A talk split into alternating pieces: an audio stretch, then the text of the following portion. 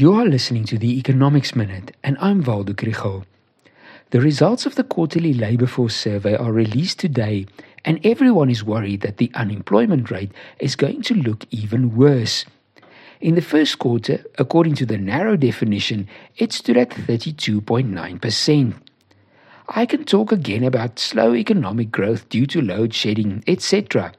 But only part of South Africa's unemployment problem is cyclical. The bigger issue is the causes and the solutions to the structural component of unemployment.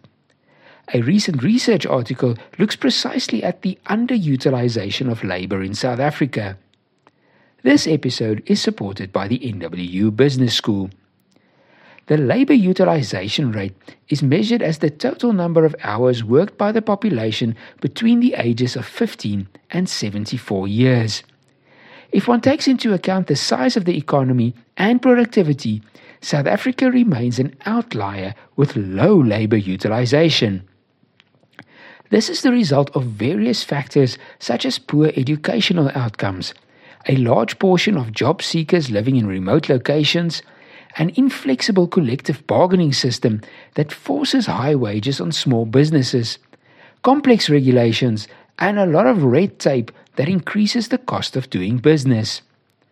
The article argues that labor policy over the past decade has not helped to address these problems. Regulations aimed at protecting temporary workers have shortened the period that someone may be employed temporarily. Goals around employment equity and black economic empowerment improved the representation of previously disadvantaged groups but had a negative impact on labor utilization. The policy recommendations are steps aimed at making the labor market more competitive. The system currently protects insiders who already have jobs at the expense of outsiders who do not.